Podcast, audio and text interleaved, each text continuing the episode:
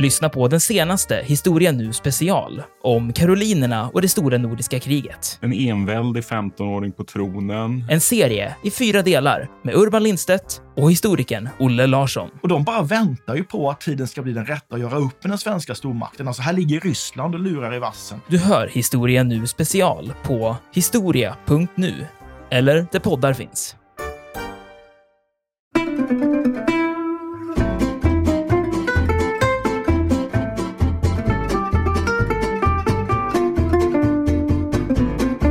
Intressant nog så går inte de här pengarna till att köpa till exempel då dynamit från Nobels vapenfabrik, utan eh, han köper en ny kostym på varuhuset Pub och han köper ett par skor. Alltså, han vill ju se väl, han vill ju se fin ut. Han ska, han ska vara presentabel när han ska genomföra den här revolutionen. Det är ju det, det är ett känt och ganska jag på säga, exotiskt inslag. Han var ju rätt sjavig tydligen när han kom till Stockholm, så han behövde ju riggas upp lite. Precis, men det var väl, det sägs ju också att det var någon som föreslog att han även skulle satsa på en ny överrock och kanske till och med kallingar, alltså ny, fräscha upp underkläderna. Men då ska han ha sagt någonting om att jag är faktiskt på väg till Ryssland för att genomföra en revolution. Jag ska inte starta en herrekipering.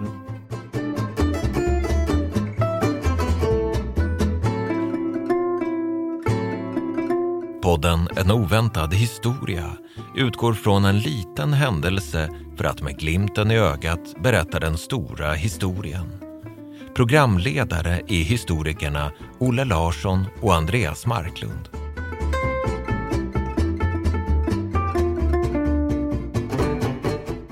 Hallå Andreas! Hallå där! Hur är läget? Det har aldrig varit bättre. Det gläder mig oerhört, för jag har en fråga till dig. Du ska få lista ut vem som beskrivs i denna dossier. En klurighet. Av, precis, upprättad av konstaplarna Adolfsson och Eneström vid Stockholmspolisens utlänningsavdelning i april 1906. Och här kan man då läsa följande. Han är politisk flykting och till sin politiska åskådning socialdemokrat. Han har agiterat i Moskva för pressfrihet, församlingsfrihet och i övrigt socialistiska åskådningar samt som förut nämnts i smärre folktidningar skrivit uppsatser av socialistiskt innehåll. Han hade av polisen i Moskva eftersökts och eh, har igen väl gjort undersökning i hans omskrivna bostad, dock utan att finna något. Som han visste sig vara eftersökt och om han anhölls så skulle han säkert ha skickats till Sibirien och därför hade han flytt. Åkandes järnväg till Petersburg, genom Finland och Åbo över till Stockholm. Och här står det också att han kallar sig för Ivan Fedorovich Petrov. Men det var inte hans riktiga namn. Och du ska få en ledtråd till innan du avger ett svar.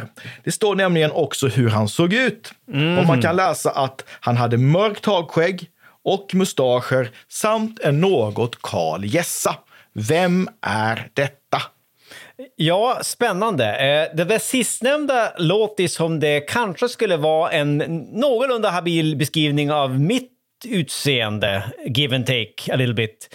Eh, men det där med ska vi säga, politisk flykting, politisk agitation i Moskva 1906, ah, det är nog inte så realistiskt.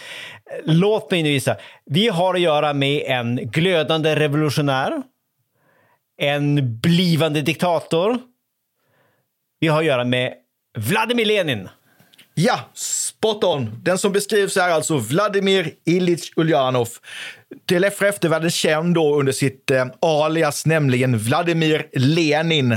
En av världens mest kända revolutionärer och grundare av den kommunistiska staten Sovjetunionen.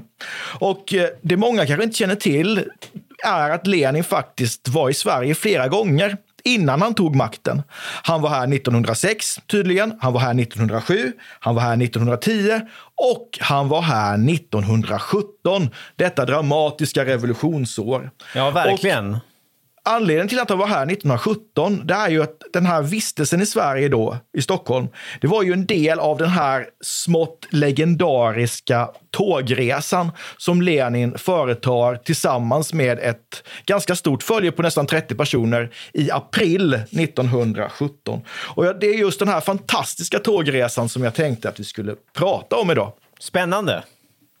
Men innan vi går in på själva resan i sig så känns det som att vi ändå måste försöka ringa in Lenin lite. Han är ju han är väldigt känd, men jag tror framförallt han är känd för folk efter det att han har tagit makten. Men vem var han 1917 när han kommer till Stockholm under den här resan? Ja, just det. Eh, ja, 1917 så var Lenin 46 år fyllda. Och enligt vad jag har förstått så var han då, vad ska man säga, på det personliga kontot så var han väldigt förtjust i barn. Katter, lite djurens och barnens vän, intressant nog. Han gillade musik. Men det fick inte bli för eh, sentimentalt, inte för vackert, inte för mycket pianomusik. Eh, för han var rädd för att, eh, vad ska man säga, allt för vacker musik skulle avtrubba hans sinnen och störa hans revolutionära arbete. Så vi har att göra med en ganska fokuserad och seriös person som onekligen är uppfylld av tankar om sin egen storhet. Alltså att han har någon slags högre uppgift och lider av någon slags storhetsvansinne. Det råder inga tvivel om. Och han är uppenbarligen då väldigt rädd för att uppfattas som en mjukis. Det, det också, absolut. Det vill han verkligen inte vara. Nej, men alltså han, han föddes då eh, i ett ganska välbärgat hem som jag har förstått saken. Som så många andra revolutionärer var han inte arbetare själv, utan han föddes då i ett eh, lärarhem i den lilla staden Simbirsk i det ryska kejsardömet. Han fick namnet Vladimir Ililich Ulyanov men kommer ju som sagt att senare bli känd under det här täcknamnet då, Lenin, som väl betyder mannen från Lena. Just det, floden Lena. Precis. Och som sagt, det var ganska fint hem. Ett lärarhem var det. va? Pappan var någon slags eh, folkskoleinspektör och adlades av tsaren, eller i alla fall av den ryska staten, för, för sina insatser. Och mamman hette Blank i efternamn och hade intressant nog, eh, jag tror en svensk pappa. Jag tror Lenis pappa var morfar. Så eh, den här intressanta individen hade faktiskt svenska anor. Det kan förklara att det kanske delvis att det blev så många besök i Sverige, vad vet jag? Ja, precis. Och det är ju rätt intressant. Här har vi en av världens mest kända revolutionärer som både är svensk delvis och adelsman. Det tycker jag är spännande. Ja, en kul kombination. Men som sagt var, han kommer ju från ett, ett, eh, ett bildat hem och han har ju själv då väldigt lätt för studier. Han beskrivs ju som väldigt språkbegåvad. Blir ganska tidigt politiskt intresserad, framförallt genom sin bror Alexander som var någon slags föredöme för honom. Förser honom både med ett, eh, så att säga, ett politiskt idégods men också med revolutionära skrifter av olika slag. Den här Alexander var ju själv medlem i en eh, ganska så känd rysk anarkistgrupp som heter Narodnaja Volja. I historieböckerna så, så heter den här gruppen eh, Folkets vilja och eh, är mest kända för att de låg bakom mordet, sprängningen av tsar Alexander den andre i Sankt Petersburg 1881. Och det är ju när de försöker mörda även efterträdaren då, Alexander den tredje, som eh, Lenins bror Alexander grips och avrättas för detta. Och jag har faktiskt varit vid hans cell där han satt inspärrad för avrättningen på Trubetskoj, eh, bastionen i Peter Pauls-fästningen i Sankt mm. Petersburg. Mm -hmm, intressant. Och här vill jag gärna inflika bara att eh, stackars Alexander den andre, han, han spände sig faktiskt ihjäl då med, med delvis då med svenskproducerad dynamit från Nobels freds... Eh, för, för, för, ursäkta, från Nobels fabriker. Så vi har att göra med liksom, vad ska man säga, den mörka förhistorien här till, eh, till Nobels fredspris lite grann. Och här har vi ytterligare en svensk koppling då ju. Ja, ja, ja, verkligen. De är all over the place.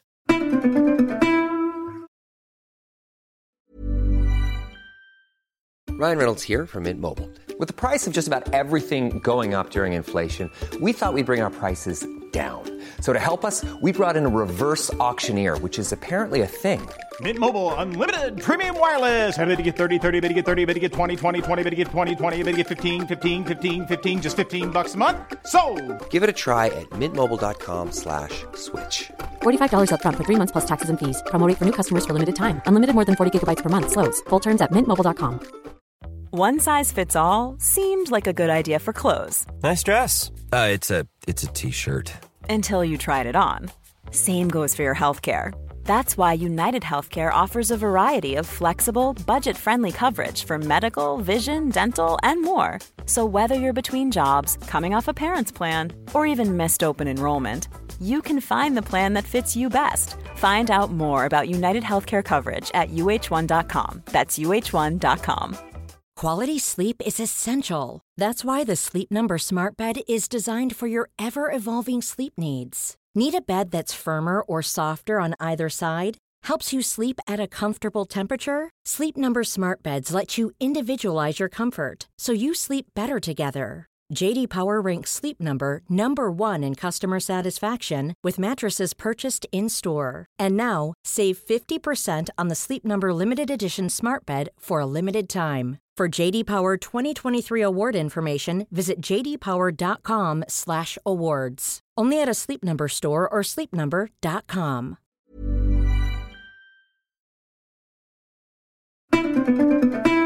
Men Lenin äh, avbryter ju sin, sina studier, eller han tvingas ju avbryta sina studier. Han blir ju faktiskt religerad från universitetet. Han har väl studerat juridik, vill jag minnas, vid Ja. Kazanuniversitetet. Stämmer. Men varit lite för eh, politiskt intresserad. Och de här studentorganisationerna brukade ju infiltreras av tsarens hemliga polis, Okranan. Så han helt enkelt tvingas avbryta sina studier och får nu börja studera på egen hand. Och hittar nu eh, någonting som kommer att bli hans livs kärlek, får man väl säga, nämligen marxismen. Och han flyttar ju sen och hamnar då i Sankt Petersburg 1893. Och eh, ja, han, hans liv kommer allt mer att handla om politik. Han grundar en organisation som heter Kampförbundet för arbetarklassens befrielse 1895. Han är ganska mycket utomlands. Han reser till Schweiz, han reser till Paris, han reser till Berlin. Och här träffar han ryska marxister som har tvingats i landsflykt. Och han får ju själv problem med myndigheterna vid flera tillfällen. Eh, som, han blir bland annat förvisad till Sibirien vid ett tillfälle. Och det är här han träffar sin blivande hustru som kommer bli hans livskamrat eh, Nadezjda Krupskaja. Just det. Och det är väl här omkring han antar namnet Lenin, va? Precis, för nu behöver han ett revolutionärt alias. Just det. Ett sånt ska man ha. Precis. Och han fortsätter ju sin... Eh, han är ju mycket en kringresande agitator. Han reser runt mycket i Europa. Han eh, ger ut revolutionära tidskrifter. Bland annat en tidskrift som sen blir ganska känd som heter Iskra, som betyder gnistan på ryska. Som ges ut utomlands och smugglas in i Ryssland faktiskt. Och han, eh, precis som i den här polisrapporten från Stockholm så står det att han är socialdemokrat och det var han ju. Han tillhör ju det ryska socialdemokratiska partiet och de splittras ju 1903 i två stycken eh, falanger. Den ena falangen kallas för mensjeviker och den andra falangen för bolsjeviker. Helt enkelt de som var i majoritet. De vann en omröstning som handlade om vem som skulle ha rätt att bli medlem i, kommunist- i, i det socialdemokratiska partiet. Skulle det vara öppet för alla eller skulle det vara en organisation för eh, dedicerade revolutionärer? Och det senast, sistnämnda förespråkade Lenin och han ansåg så att hans, hans falang vann och de tog sig då namnet bolsjevikerna, vi i majoritet. Så det här handlar väl också om att den ena gruppen är revolutionär och den andra då är så här klassiskt socialdemokratiskt reformistisk. Precis, Alltså, och mer så det, det, här, det här är ju rätt typiskt för socialdemokratiska partier runt om i Europa att de splittras i de här två grenarna. det händer ju nog lite Eh, i Sverige, lite senare. Just det, och i, i Ryssland blir ju det här två separata partier först 1912. Två falanger och sen separata partier. Så 1917 är Lenin alltså bolsjevikledare kan man väl säga. Och eh, vistas utomlands. Han har bott i Finland ett tag, men han reser som sagt kring ganska mycket. Och när det första världskriget bryter ut sommaren 1914 så... Alltså han blir ju alldeles chockad egentligen över att så många socialdemokrater som tidigare talat liksom om den internationella arbetarklassens gemenskap och pacifism helt plötsligt liksom stödjer den här, eh, dras med i den här krigsyran den varma sommaren 1914.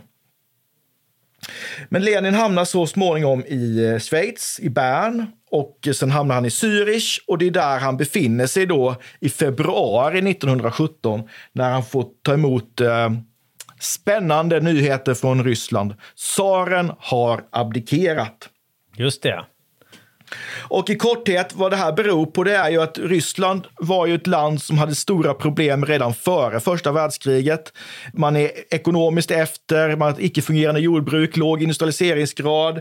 När kriget kommer så kommer alla Rysslands problem upp till ytan. Stora krigsförluster, galopperande inflation, matbrist, politisk inkompetens som då leder till en revolutionär stämning i Ryssland med myterier, med strejker, eh, med stora protester. Och det är ju det här som tvingas fram, fram tsarens abdikation. I, ja, vi säger, I Ryssland pratar man om februarirevolutionen. Det här var ju i mars beroende på vilken kalender man använder. Ja, det där är förvirrande. Eh, ja. Och det här räknas ju som den första av de två revolutioner 1917. Och den här första var ju Lenin inte med i, utan han befinner sig som sagt var i Zürich. Men hur reagerar han när han får veta, oj, tsaren har abdikerat och hur i herrans namn lyckas han ta sig till Ryssland under, brinnande, under brinnande krig. Ja, ja, ja det, är, det är väldigt intressant och det är, väl, det är ju det som hela det avsnittet handlar om. Men alltså, bör, vi börjar med att alltså, han var ju verkligen den typen som ansåg att han hade en, en högre uppgift. Alltså, han, han skulle ju hem och trycka på startknappen. Han ska hem och sätta igång den kommunistiska revolutionen i Ryssland som sen skulle sprida sig som en löpeld över hela världen till en världsrevolution. Så han fick jättebråttom. Det här med att tsaren hade abdikerat, det var ju ett, ett så kallat window of opportunity för honom.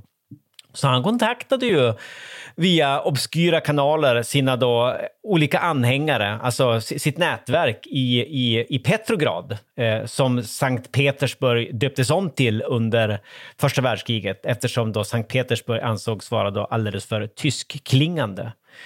Och han, eh, han var ju inte, man kan väl säga mycket om Lenin, men han var ju inte kompromissernas man direkt. Alltså, han förmanade sina, sina kamrater, här är det befogat att använda ordet kamrater, att de inte skulle samarbeta med den nya provisoriska regeringen då, som hade övertagit makten under den här eh, Kerensky heter han va? Ja, just det, Alexander Kerensky. Som var en socialdemokratisk, va? menschevikiskt orienterad eh, ja, socialist. Nästan åt det liberala hållet. Ja, precis. Han var advokat var ursprungligen. Ja. Men, men det, det, det, är väl någon slags samlingsregering? Va? Det här är ja, liberal, det är det. en samlingsregering liberal... som skapas av resterna, kan man säga, den sista ryska duman, då parlamentet. Just det. Kan den jämföras lite, lite grann med idén Branting? Alltså så här, ja, men, liberal, ja, men kanske. Liberaler och sossar egentligen. Ja. Och, och, och det, det, betraktar ju då Lenin som eh, en borgerlig kvarleva. Någonting som absolut inte bör få existera i det nya paradisiska samhälle han ska skapa. Eh, han vill att bolsjevikerna ensamma ska ta makten och här bör det väl kanske påpekas då att eh, Bolsjevikpartiet vid den här tiden är ganska litet och obskyrt. Det är verkligen inte någon, någon majoritet längre. Så, eh, nej men som sagt, det, det är ett litet ett möjligheternas fönster här som öppnat sig, men Lenin anar ju att det snabbt kommer att krympa, så han skrider till verket direkt. Men nu kommer vi då till nästa led i din fråga. Hur sjutton gör man när man ska resa genom ett Europa i krig som revolutionär som är eftersökt av alla? Ja, det är ju inte alldeles lätt. Alltså gränserna är ju stängda mellan de olika länderna. Och Lenin befinner sig i Schweiz. För att ta sig hem så måste han på något sätt resa genom Tyskland. Och Tyskland är ju Rysslands eh, fiende under första världskriget. Så det verkar ju på, nästan på omöjligt, men han känner ju att han måste åka hem och styra upp saker så att inte de här eh, kamraterna som han inte litar på fullt ut i, i Petrograd börjar samarbeta med den provisoriska regeringen. Och här har han ju lite tur därför att tyskarna är ju naturligtvis medvetna om utvecklingen i Ryssland och i, i Petrograd. Och den tyska underrättelsetjänsten ser ju det här som att här har vi ett lysande tillfälle att så att säga lägga sten på börda eller strö salt i såren. Hur skulle det vara om man förvärrade situationen i Ryssland ytterligare genom att skicka hem en revolutionär till dem? Mm. mm. Och eh, den tyska utrikesministern som heter Arthur Zimmermann börjar nu planera. Alltså man planerar att vi erbjuder Lenin fri lejd med tåg genom Tyskland för att sen resa vidare till Ryssland och då göra revolution. Eller som han skrev, jag citerar, stödja de mest extrema elementen i Ryssland, bolsjevikerna, och påskynda landets sönderfall. Så Lenins resa är ju egentligen en tysk plan för att ytterligare förstärka kaoset i Ryssland. Mohahaha. Precis. Och Lenin är ju naturligtvis från början, och det förstår man ju, lite skeptisk till det här tyska alternativet. Alltså det ser ju inte helt bra ut om man som ryss, förvisso bolsjevik och revolutionär och allt detta, men samarbetar med fienden mitt under brinnande krig. Så här, han, det här måste ju verkligen ske så diskret som möjligt. Och lösningen blir ju då att han ska resa i en plomberad vagn som då förklaras för eh, alltså främmande makts territorium. Ja, det, det, det, för jag bara inflika, jag tror till och med jag läst någonstans att orden att tillåta den här resan, den är underskriven eh, den tyska kejsaren.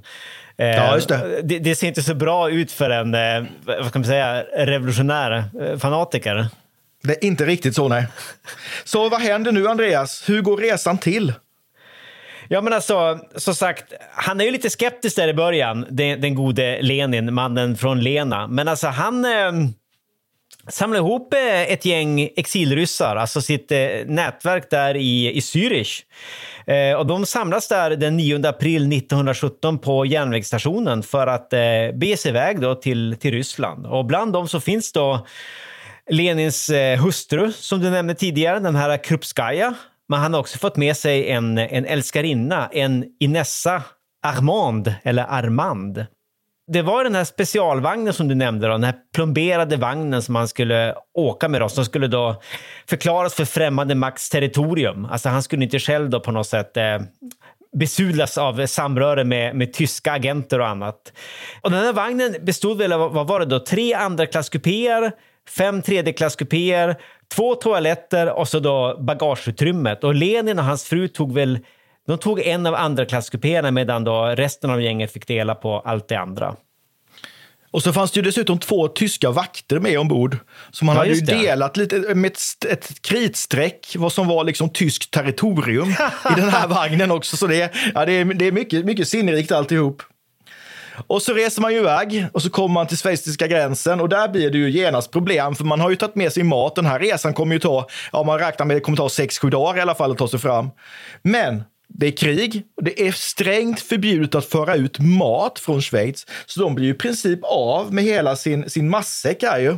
Ja, det, det Så det grund av ju- eh, kristidspolitiken och ransoneringen. Just och det precis. där? Just det. De har väl lite mat med sig, men alltså det är ganska hungrigt på vägen mot eh, tyska gränsen och på vägen genom Ja. Tyskland. Ja. Men eh, de försöker ju göra den här resan så dräglig som möjligt. Eh, De sjunger revolutionära sånger. Lenin arbetar febrilt. De röker tydligen kopiöst. Lenin rökte ju inte och avskydde tobaksrök. Och han blir heller inte bestörd. Han pratar liksom gång på gång om vikten av kommunistisk disciplin, vilket bland annat innebär att här sover man på ordentliga tider så man är utvilad när man kommer fram. Men man löser det här rökproblemet på ett ganska sinnrikt sätt. Alltså man förvandlar den ena toaletten faktiskt till, till rökruta, eller toaletten till rökruta. Och så kommer man på att det där är ett problem då, därför att det kan ju vara de som är i trängande behov och så står några där inne och röker. Så man, man trycker faktiskt upp speciella biljetter så att rökarna får andra klassbiljetter och de vanliga första klassbiljetterna, vilket gör att man har företräde till toaletten om de behöver och då får rökarna vänta. Det tycker jag är en ganska listig idé. Det, men det är också Lenins idé, va? Ja, det tror jag. För han, han är så en riktig så här millimeterdiktator. Och så sitter han där surt i sin kupé och skriver och skriver och skriver medan de andra sjunger och skrålar och röker. Hur är det? Va, var han nykterist också? Dr- Drack han? Det vet jag inte. Det vet Alltså, jag inte. jag, jag, jag, jag har bara hört i olika sammanhang att han satt på de där kaféerna i Europa och sörplade hela tiden på samma tekopp. Jaha, okej. ja, det är väl inte omöjligt, även om det känns lite oryskt kanske. Eller också, eller också är det jag som är fördomsfull. Men jag tycker det är rätt roligt, för de sjunger bland annat Marseljäsen. De sjunger den förvisso på ryska, men det är en ganska känd melodi. Och för dem är det nog uppenbarligen så att ja, men det här är en sång från franska revolutionen. Det är en revolutionär sång. Men de tänkte ju inte på att den här välkända melodin också är Frankrikes nationalsång. Och väldigt känd för tyskarna, även om man sjunger på ryska. Ja, just, och när man färdas då genom Tyskland under första världskriget. Det kanske inte är världens smartaste och mest diplomatiska drag. Nej, när man kommer in på stationerna och, och så hörs det liksom Marseljäsen. Precis, genom, genom fönstret. Så, jag tror till och med att de här tyska väktarna säger att ni ska, ska vara lite lugna med det där, för det där är Frankrikes nationalsång och som ni kanske vet så är det krig och vi är inte helt nöjda med, med, med fransmännen, så håll er lugna.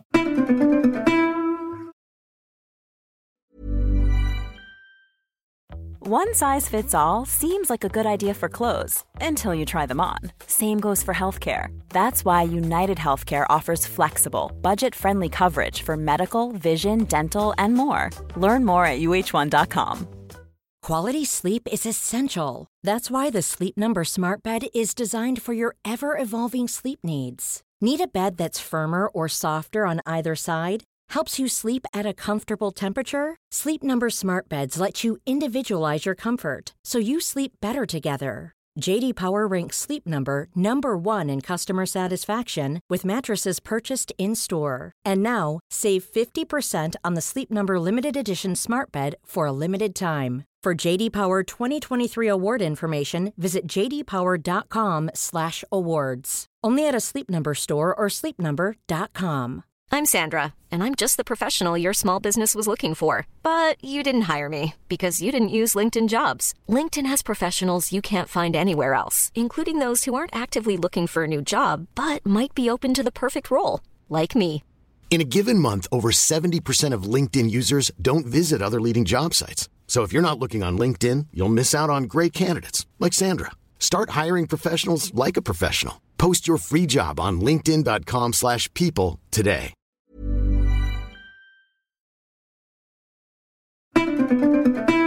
Men man tar sig i alla fall genom Tyskland och eh, den 12 april så befinner man sig, har man åkt då från Berlin upp mot Sassnitz på Rügen och härifrån så kliver man ombord på fartyget eh, Victoria, drottning Victoria med destination Trelleborg. Och här inleds ju då eh, vad vi skulle kalla för Lenins underbara resa genom Sverige. För att lite, lite lustigt travestera Selma Lagerlöf. Ja, just det. Just det. Nu blir det mysigt. Nu blir det lite Nu blir- pils, nu blir det Nu pilsnerfilm. blir det mysigt. Nu är det mysigt. Eh, kommer man till Trelleborg, man kommer till Malmö och här äntligen får man ju äta ordentligt för första gången på resan. Här har de svenska socialdemokraterna eh, slagit på stort. Här finns det mycket, mycket gott. Det är lax och det är rågbröd och rökt kött och skinka, inlagd gurka, fisk, ost, gräddfil och kaviar. Alltså, det känns ju väldigt ryskt, gör det inte det? Ja, väldigt. Det låter klart ryssanpassat, eller vad man ska säga. Och här var det väl rimligen åtminstone lite, lite brännvin. Det var det nog eh, säkert. Och så är man då åter på tåget och reser iväg mot Stockholm. Och till Stockholm kommer man på morgonen, man åker nattåg då från Malmö. Och här har man då en hel dag. Vad gör man i Stockholm, Andreas? Ja, men det börjar med att det här, äh, det här ryska gänget de tar in på hotell. Hotell Regina på Drottninggatan. De har ju då ett icke helt obefintligt svenskt nätverk. Alltså det är många äh, socialistiska, socialdemokratiska potentater, bland annat då Ture Nerman som eh, har ganska nära relationer till det här gänget. Och de har ju då sett till att de, det här eh, Lenin och hans entourage får acceptabla hotellrum där de kan liksom äta frukost och duscha av sig om de så önskar. Som vanligt så är Lenin lite småsur och stressad och har inte riktigt tid med allt det där tjafset. Han, han Nej, mumlar han ska, ju, han ska ju göra revolution ju. Precis, han mumlar säkert. Man kan tänka sig att han mumlar någonting om att det var småborgerligt. För han skulle ju ut och inspektera eh, vad ska man säga, den revolutionära glöden hos svenskarna. Så han, han, han strosade omkring på stan, tror jag. Och det här, här behöver vi nämna det, det här är, det är ju jättespännande. Alltså april, Sve- Stockholm 1917. Det är en ganska orolig tid i Sverige också. Alltså här, det, det, är- det är potatiskravallernas alltså och hungerdemonstrationernas vår. Då myndigheterna är helt paniska på grund av att, alltså dels att det, det är nöd och de här, man är, man är ju jätteorolig för att de här impulserna från den, den ryska februarirevolutionen ska spridas till Sverige. Och så går han omkring där, alltså liksom revolutionärernas revolutionär. Och det här ska vi prata om ett annat program, just det här med Stockholm 1917 och kommissarie Kempes hand som Just förmodligen det. förhindrar en svensk revolution. Precis. Men Lenin är ju inte riktigt nöjd med de svenska revolutionärernas revolutionära geist. Alltså han tycker de är för, för pacifistiska, det är, det är lite för mesigt. Alltså han måste, ni måste ju förstå grabbar att man måste ta till vapen, annars blir det inget proletariatisk diktatur. Nej. Ni måste ju agera. Men alltså, han, han är ju utfattig också. Men han får ju ekonomisk hjälp här i Stockholm. Man gör ju en insamling till honom. Vad använder han de här pengarna till sen? Eh, det, är det, är det, är det är väldigt bisarrt. Alltså, insamlingen där är ju kul. Alltså, det är delvis då hans socialistiska nätverk, Ture Nerman ingår. Men sen är det väl till och med den här eh, alltså, högerpolitikern och stats, tidigare statsministern Arvid Lindman. Han är väl också med och eh, bidrar med en liten slant där, för att han ville då att helt enkelt bli av med Lenin så, så snabbt som möjligt. Vilket i, den här kontexten är, är ganska vettig synpunkt tycker jag. Men Intressant nog så går inte de här pengarna till att köpa till exempel då dynamit från Nobels vapenfabrik, utan eh, han köper en ny kostym på varuhuset Pub och han köper ett par skor. Alltså han vill ju se väl, han vill ju se fin ut. Han ska, han ska vara presentabel när han ska genomföra den här revolutionen. Det är ju det, det är ett känt och ganska jag på säga, exotiskt inslag. Han var ju rätt sjavig tydligen när han kom till Stockholm, så han behövde ju riggas upp lite. Precis, men det, var väl, det sägs ju också att det var någon som föreslog att han även skulle satsa på en ny överrock och kanske till och med kallingar, alltså ny, fräscha upp underkläderna. Men då ska han ha sagt någonting om att jag är faktiskt på väg till Ryssland för att genomföra en revolution. Jag ska inte starta en herrekipering. Jag tror att det var Karl Radek som sa det där med, med, med ytterrocken till honom. Ja, just det. Ja, ja, men det är rätt spännande. Men du, en liten detalj där. Eh, Ja. Det är kanske är något som kommer att tas upp i det här Kempe-avsnittet. Men han träffade en hel del individer under sin dag i, i Stockholm. Inget snack om det. Träffade han Branting? Jag tror han gjorde det, men jag är inte säker. men det, det. det. Det, kan vi återkomma till, så ska jag ta reda på det Ja, det är till, till, till, till, till Kempe-avsnittet. Alltså Branting var ju då menshevik ju, i hans ögon. Just det, socialdemokrat. Precis. Och som sagt, han tillbringar den här dagen i Stockholm. Då. Han köper lite kläder, han pratar med de svenska revolutionärerna och sen då så tar man nattåget norrut. Och målet är ju då gränsövergången vid Haparanda mot Finland. Eh, och han ska då över här och sen från Torneå vidare mot Petrograd. Och den här gränsövergången mellan Torneå och Haparanda är ju väldigt, väldigt trafikerad. Och normalt sett tar man sig över med båt, men nu ligger ju isen så de tvingas ju åka slädar över. Och de är ganska nervösa. Dels då för själva slädfärden i sig, jag tror de åker två och två i samma släde. Men också för vad som väntar på andra sidan, därför att det här är ju en del av det, det ryska storfurstendömet Finland. Tänk om det har läckt ut om Lenin att han är tillbaka. Tänk om, om, om, om den hemliga polisen väntar på honom. Jag menar, han har ju varit mer eller mindre persona non grata i Ryssland i, i flera år. Men det går ju ganska bra. Eh, vad händer här nu efter, efter gränspassagen? Lite krångel blir det ju. Ja, ja alltså Lenin blir ju sur. Och det blir han ofta, är mitt intryck. Alltså, egentligen börjar det då skitbra, för när, han kommer, när de kommer över till Tornio så hittar han då ett exemplar av sin favoritblaska, Pravda, Sanningen. En eh, kommunistiskt orienterad, eller socialistiskt orienterad då, publikation som han själv då ofta bidrar med olika artiklar till. Och den hade tidigare, då varit förbjuden, alltså under tsa- tsartiden. Någonting som man då sålde som ett, vad ska man säga då, ett, ett, ett undergrundsmagasin. Men nu kunde det ju säljas öppet och det var ju en positiv utveckling. Men han upptäcker då till sin stora fasa att hans, en av hans artiklar finns med i det här numret och han tycker att den har, vad ska man säga, poängerna. Hans egen röst har liksom redigerats bort av redaktionen. Texten är förkortad, viktiga delar saknas och hårdheten i hans argument, allt det genialiska, det är borta. Så han blir skitsur. Dessutom är det massa artiklar då som har en mer menshevikisk kompromissökande, reforminriktad eh, prägel och talar om samarbete då med, mellan då eh, de här olika socialistiska grupperna och samlingsregeringen. Så han blir putt som bara den och sitter där och, och surar under då, tågresan mot Petrograd. Precis, och han, är, egentligen, det kunde ju ha gått illa här för att eh, jag tänk, han, när han kommer in i Torneå så, så gräns, han säger att han är journalist och han är på väg tillbaka till Ryssland efter en reportageresa. Och gran, gränsvakterna ringer ju, kontaktar ju på något sätt de styrande i Petrograd och frågar om de ska släppa in honom. Och de får ju till och med ett meddelande från eh, Alexander Kerensky själv som säger att det demokratiska Ryssland förvägrar inte sina medborgare inresa. Tänk om Kerensky hade sagt nej. Ja, just det. Men det kan vi återkomma till vad som kunde ha hänt då. Intressant tanke. Men som sagt, resan genom eh, Finland går ju utan problem. Likadant gränspassagen till Ryssland. Han blir ju hälsad ganska pampigt när han kommer då till, precis till grän, gränsövergången. Eh, Och den som hälsar honom här är ju bland annat då Lev Kamenev, en av de som ligger bakom de här mer mjukare artiklarna i, eh, i, i Pravda. Och Lenin har ju inte mycket till övers för mjukisar och det är ju därför han är så upprörd över att hans, han framstår som mjukare än han, han egentligen vill, vill vara i de här sönderredigerade artiklarna. Han framstår som menshevik. Precis, och han försummar ju inte heller då att berätta för den här stackars Kamenev att Kamenev minsann har skrivit det som kan rubriceras som ren smörja i, i, i, i, i Pravda. Och sen så går resan vidare. Vad händer när de kommer fram till Petrograd? Jo, men då eh, rullar väl eh, tåget in på den här, eh, ja, den heter faktiskt den finländska järnvägsstationen. Det är ju det är rätt intressant. Det är på kvällen den 16 april 1917 och eh, stationen är då full av partimedlemmar som har samlats där för att hälsa den store revolutionära ledaren välkommen. Det är blomsterprytt alltihopa. Det finns en hedersvakt med matroser från flottbasen Kronstadt som står uppställda i vakt. Lenin får en bukett blommor men han fnyser någonting om att den, den, den stinker av småborgerlighet. Eh, och han är fortfarande rätt sur över de där tidningsartiklarna tror jag. Och han upprepar väl att eh, det här gänget, alltså den fraktion han står för, får absolut inte samarbeta med den här provisoriska regeringen. Det är liksom hans första budskap. Alltså, vi ska inte samarbeta med den sittande regeringen.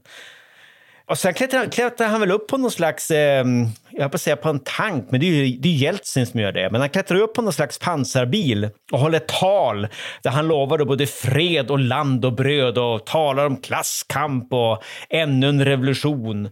Det är väl det här som då räknas som hans aprilteser. Va? Alltså all makt till sovjeterna. Eh, länge leve den världsomspännande socialistiska revolutionen. Avslutar han då ett, ett flammande tal till, till massorna. Så det blir en succé. Ja, det blir det. Och sen så fortsätter han in till själva stadens centrum och här kommer han ju att liksom fortsätta sitt revolutionära arbete. Och för att kort liksom bara summera upp vad som händer efteråt så är det ju, alltså den provisoriska regeringen gör ju ett stort misstag i att de de inte tar, plockar ut Ryssland ur kriget, utan fortsätter kriget. Vilket gör att de problem som första världskriget har skapat i Ryssland bara fortsätter att förvärras under våren, under sommaren och under hösten. Det är demonstrationer, det är strejker, det är myterier. Och hur utnyttjar Lenin och bolsjevikerna detta?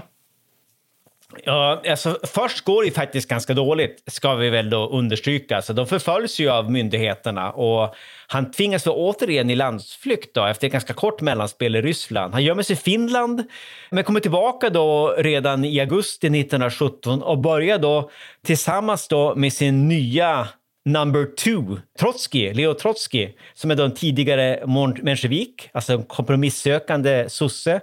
Han bytte sida och blir bolsjevik, då, kommunist, under, under sommaren. De började planera för ett eh, maktövertagande med vapen i hand och bilda såna här eh, röda, vad ska man säga då, kampgarden.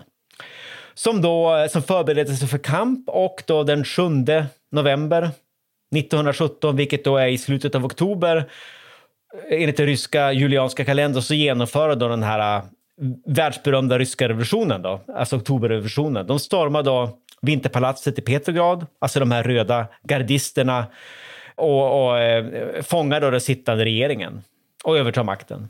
Och det här är ju egentligen en ganska oblodig statskupp kan man säga Ja. som, som har gått till historien som, som ryska revolutionen. Som inleds med att pansarkryssaren eh, Aurora skjuter signalskott och så sker den här stormningen då, de här röda garderna som har en koppling till Petrograd-Sovjeten då som har skapats i samband med tsarens abdikation i, i februari. Och därmed så har ju Lenin skapat den första kommunistiska staten. Den ryska revolutionen är ett faktum. Och det här får ju konsekvenser för i princip hela 1900-talets eh, historia. Så den här tågresan är ju oerhört eh, viktig för, för det som, som sen ska hända. Och jag tänker med Andreas som avslutning. Eh, det är omöjligt att inte fundera över vad som hade hänt om Lenin inte med hjälp av tyskarna hade ta, gjort, genomfört den här tågresan eller om han hade stoppat sitt HNO eller någonting sånt där. Om han inte hade kommit tillbaka till Petrograd i april 1917. Vad tror du, hade det blivit en revolution i Ryssland utan Lenin? Eller vad hade hänt och i så fall, vad hade, vad hade kunnat hända? Eh, ja, det är ju en ganska svår fråga då, vars svar onekligen bottnar lite grann i den här klassiska, vad ska man säga, historiska frågan om huruvida det är enskilda händelser, personer eller processer och strukturer som styr historiens gång. Och jag lägger mig normalt någonstans mitt emellan som god menshevik, höll jag på att säga. Eh, men eh, jag tror, i det här konkreta fallet så tror jag, jag tror att Lenin var extremt central för händelseutvecklingen. Lenin och hans nätverk. Alltså hade inte Lenin varit i mitten av det där nätverket under de här dramatiska vad ska man säga, händelserna så tror jag att de hade utfallit på ett annat sätt. Det tror jag faktiskt. Så eh, ja, ja det, är inte, det är inte omöjligt att eh, den här eh, liberala, socialistiska, mensjevikiska regeringen kanske hade suttit kvar. Att eh, tsaren hade kommit tillbaka. Ryssland hade omskapats till någon slags eh, demokratisk konstitutionell monarki. Och vi hade fått ett mycket fredligare Ryssland och därigenom kanske också ett mycket fredligare 1900-tal. Så jag tror att det var eh, e-, enbart negativt egentligen då, ur ett, ur ett större världsperspektiv att Lenin tog sig hela vägen fram. Ja, ja, helt klart. Det var något av ett statement. Men du frågade. Ja, men absolut. Och eh, man kan alltid spekulera i vad som hade hänt, men en sak tror jag vi kan vara rörande överens om innan vi skiljs åt. Det är att utan den här resan, tågresan i april 1917 så hade Europas och världens historia sannolikt sett annorlunda ut. Mm. Men tyskarna lyckades med sin djävulska plan. Precis. Churchill liknade ju detta vid att tyskarna hade placerat en pestbacill i en plomberad vagn ja, men... som då förde smitta med sig. Men vi, Revolutionär ju, smitta. Precis, men man kan ju då kanske argumentera för att i detta nu, alltså even as we speak, så börjar den där bacillen att eh, bita tillbaka. Precis, så är det säkert. Mm. Så man bäddar får man Andreas, mm. ska vi avrunda där för idag? Det, det ser vi. Det var, jätte, det var skitkul. Tack så mycket. Vi ses! Det gör vi. Hej, hej! Hej, hej! hej, hej. Vi tackar programledarna Olle Larsson och Andreas Marklund. Kontakta gärna Olle och Andreas på ovantad.historia.nu. Vi läser allt, men hinner kanske inte alltid svara.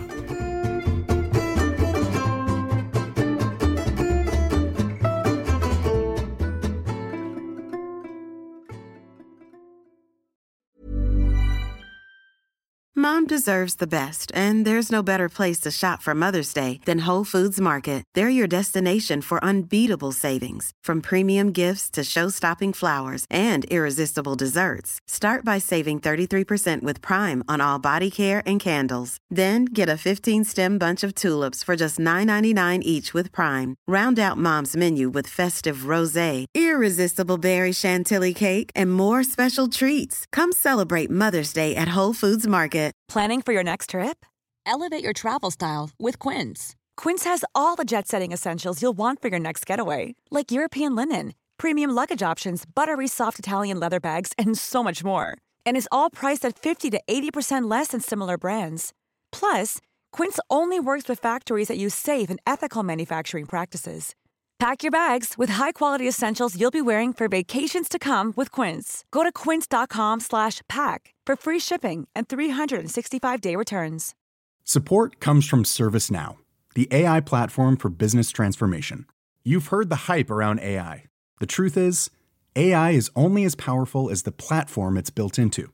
ServiceNow is the platform that puts AI to work for people across your business, removing friction and frustration for your employees supercharging productivity for your developers, providing intelligent tools for your service agents to make customers happier. All built into a single platform you can use right now. That's why the world works with ServiceNow. Visit servicenow.com/ai for people to learn more. Iran har under 1900-talet genomgått tre omvälvande revolutioner som orienterat landet antingen mot västerlandets modell eller mot en auktoritär styrelseform. Idag pågår en social revolution i landet som vänder sig mot det islamistiska styret och vars anhängare har Europa och väst som förebilder. I en viktig bok ger idéhistorikern Mohammad Faslashemi en djupare förståelse för dagens dramatiska händelseutveckling. Iran mellan tre revolutioner är utgiven av förlaget Historiska Media Beställ den fysiska boken på förlagets hemsida historiskamedia.se eller köp den i en bokhandel nära dig.